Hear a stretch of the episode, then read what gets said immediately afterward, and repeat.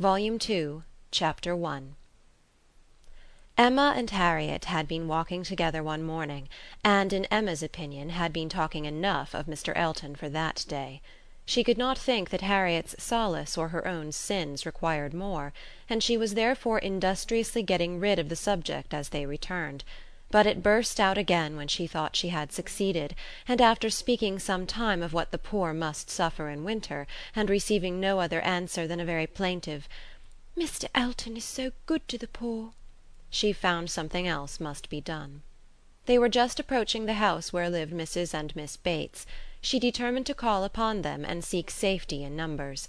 There was always sufficient reason for such an attention; Mrs. and Miss Bates loved to be called on, and she knew she was considered by the very few who presumed ever to see imperfection in her as rather negligent in that respect, and as not contributing what she ought to the stock of their scanty comforts.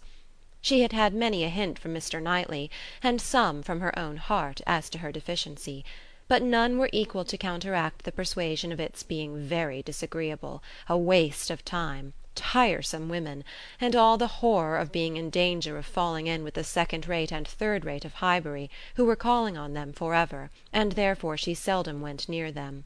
But now she made the sudden resolution of not passing their door without going in, observing, as she proposed it to Harriet, that, as well as she could calculate, they were just now quite safe from any letter from Jane Fairfax.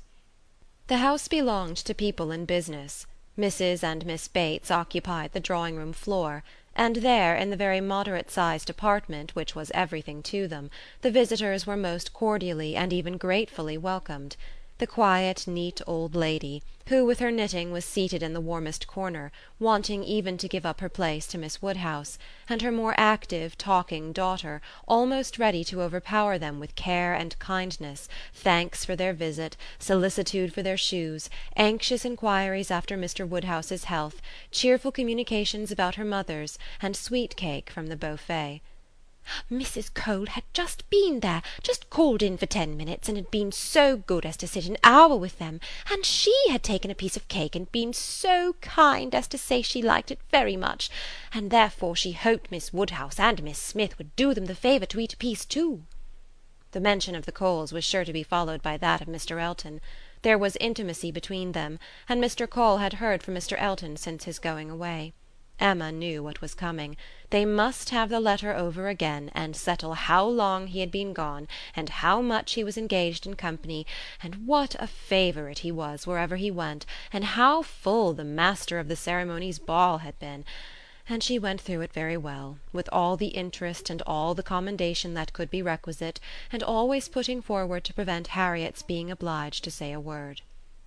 This she had been prepared for when she entered the house but meant, having once talked him handsomely over, to be no farther incommoded by any troublesome topic, and to wander at large amongst all the mistresses and misses of Highbury and their card parties. She had not been prepared to have Jane Fairfax succeed Mr. Elton. But he was actually hurried off by Miss Bates; she jumped away from him at last abruptly to the Coles, to usher in a letter from her niece. "Oh yes, Mr. Elton, I understand, certainly as to dancing Mrs. Cole was telling me that dancing in the rooms at Bath was Mrs. Cole was so kind as to sit some time with us, talking of Jane; for as soon as she came in she began inquiring after her. Jane is so very great a favourite there. Whenever she is with us Mrs. Cole does not know how to shew her kindness enough, and I must say that Jane deserves it as much as anybody can. And so she began inquiring after her directly, saying, I know you cannot have heard from Jane lately, because it is not her time for writing.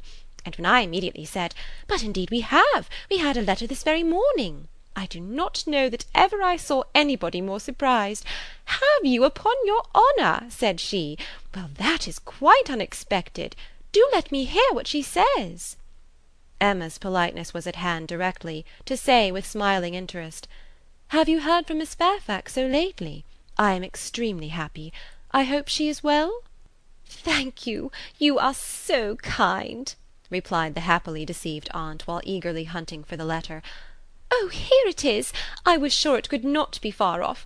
But I had put my huswife upon it, you see, without being aware, and so it was quite hid, but I had it in my hand so very lately that I was almost sure it must be on the table. I was reading it to Mrs. Cole, and since she went away, I was reading it again to my mother, for it is such a pleasure to her. A letter from Jane, that she can never hear it often enough, so I knew it could not be far off, and here it is, only just under my huswife, and since you are so kind as to wish to hear what she says, but first of all I really must, in justice to Jane, apologize for her writing so short a letter, only two pages, you see, hardly two, and in general she fills the whole paper and crosses half. My mother often wonders that I can make it out so well. She often says, when the letter is first opened, "Well, Hetty, now I think you will be put to it to make out all that checker work. Don't you, ma'am? And then I tell her I am sure she would contrive to make it out herself if she had nobody to do it for her, every word of it. I am sure she would pore over it till she had made out every word. And indeed, though my mother's eyes are not so good as they were, she can see amazingly well still, thank God, with the help of spectacles. It is such a blessing. My mother's are really very good indeed. Jane often says, when she is here, I am sure, grandmamma, you must have had very strong eyes to see as well as you do, and so much fine work as you have done too. I only wish my eyes may last me as well. All this spoken extremely fast obliged Miss Bates to stop for breath, and Emma said something very civil about the excellence of Miss Fairfax's handwriting. "You are extremely kind," replied Miss Bates, highly gratified. "You, who are such a judge, and write so beautifully yourself. I am sure there is nobody's praise that could give us so much pleasure as Miss Woodhouse's. My mother does not hear; she is a little deaf, you know. Ma'am!" addressing her. Do you hear what Miss Woodhouse is so obliging to say about Jane's handwriting?"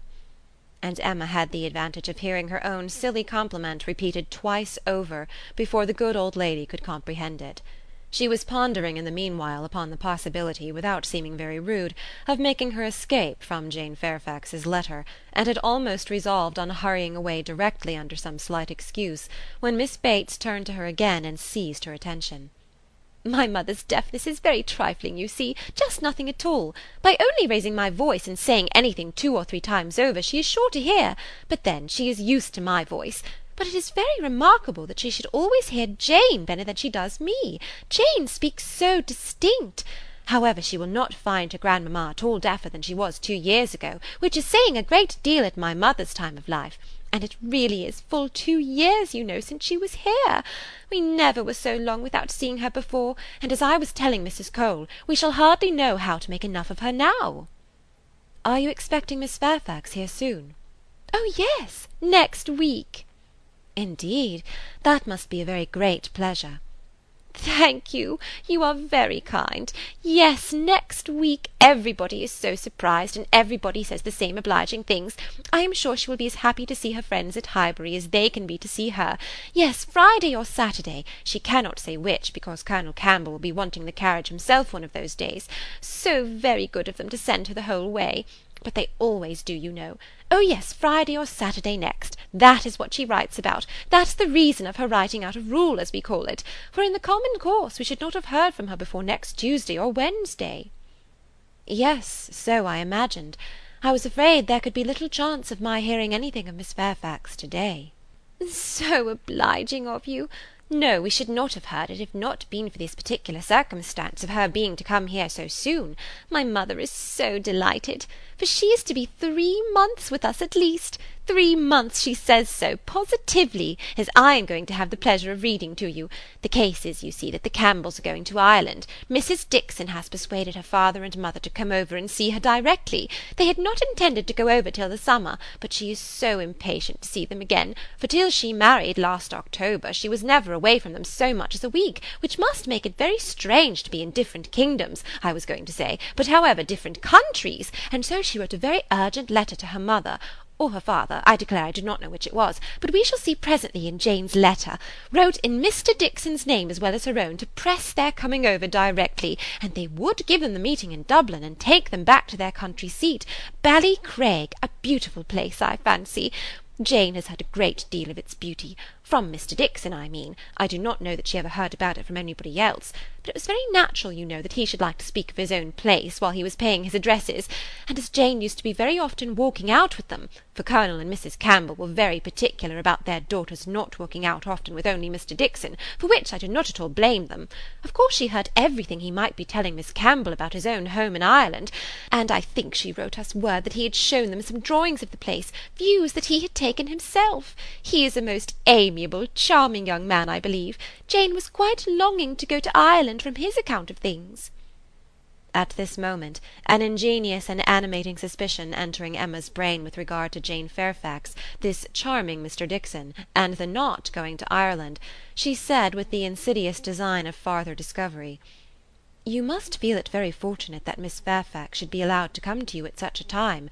Considering the very particular friendship between her and Mrs. Dixon, you could hardly have expected her to be excused from accompanying Colonel and Mrs. Campbell." Very true, very true indeed. The very thing that we have always been rather afraid of, for we should not have liked to have her at such distance from us, for months together, not able to come if anything was to happen. But you see everything turns out for the best. They want her, Mr. and Mrs. Dixon, excessively to come over with Colonel and Mrs. Campbell; quite depend upon it, nothing can be more kind or pressing than their joint invitation, Jane says, as you will hear presently. Mr. Dixon does not seem in the least backward in any attention. He is a most charming young man. Ever since the service he rendered Jane at Weymouth, when they were out in that party on the water, and she, by the sudden whirling round of something or other among the sails, would have been dashed into the sea at once, and actually was all but gone, if he had not, with the greatest presence of mind, caught hold of her habit. I can never think of it without trembling. But ever since we had the history of that day, I have been so fond of Mr. Dixon. But in spite of her friend's urgency, and her own wish of seeing Ireland, Miss Fairfax prefers devoting the time to you and Mrs. Bates. Yes, entirely her own doing, entirely her own choice, and Colonel and Mrs. Campbell think she does quite right, just what they should recommend, and indeed they particularly wish her to try her native air, as she has not been quite so well as usual lately. I am concerned to hear of it. I think they judge wisely. But Mrs. Dixon must be very much disappointed. Mrs. Dixon, I understand, has no remarkable degree of personal beauty, is not by any means to be compared with Miss Fairfax? Oh, no! You are very obliging to say such things, but certainly not. There is no comparison between them. Miss Campbell always was absolutely plain, but extremely elegant and amiable. Yes, that of course. Jane caught a bad cold, poor thing, so long ago as the seventh of November, as I am going to read to you, and has never been well since. A long time, is it not, for a cold to hang upon her? She never mentioned it before, because she would not alarm us. Just like her, so considerate! But however she is so far from well that her kind friends the Campbells think she had better come home, and try an air that always agrees with her, and they have no doubt that three or four months at Highbury will entirely cure her, and it is certainly a great deal better that she should come here than go to Ireland, if she is unwell. Nobody could nurse her as we should do. It appears to me the most desirable arrangement in the world. And so she is to come to us next Friday or Saturday, and the Campbells leave town in their way to Holyhead the Monday following, as you will find from Jane's letter. So sudden! You may guess, dear Miss Woodhouse, what a flurry it has thrown me in, if it were not for the drawback of her illness. But I am afraid we must expect to see her grown thin and looking very poorly. I must tell you what an unlucky thing happened to me as to that. I always make a point of reading Jane's letters through to myself first, before I read them aloud to my mother, you know, for fear of there being anything in them to distress her.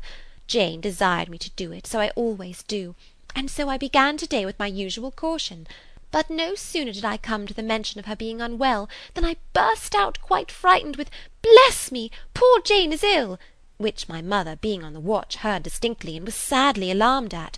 However, when I read on, I found it was not near so bad as I had fancied at first, and I make so light of it now to her that she does not think about it much. But I cannot imagine how I could be so off my guard. If Jane does not get well soon, we will call in Mr. Perry. The expense shall not be thought of, and though he is so liberal and so fond of Jane that I dare say he would not mean to charge anything for attendance, we could not suffer it to be so, you know. He has a wife and a family to maintain, and is not to be giving away his time. Well, now I have just given you a hint of what Jane writes about, we will turn to her letter, and I am sure she tells her own story a great deal better than I can tell it for her. I am afraid we must be running away," said Emma, glancing at Harriet and beginning to rise. "My father will be expecting us. I had no intention, I thought I had no power of staying more than five minutes when I first entered the house. I merely called, because I would not pass the door without inquiring after Mrs. Bates. But I have been so pleasantly detained. Now, however, we must wish you and Mrs. Bates good morning." And not all that could be urged to detain her succeeded. She regained the street happy in this that though much had been forced on her against her will, though she had in fact heard the whole substance of Jane Fairfax's letter, she had been able to escape the letter itself.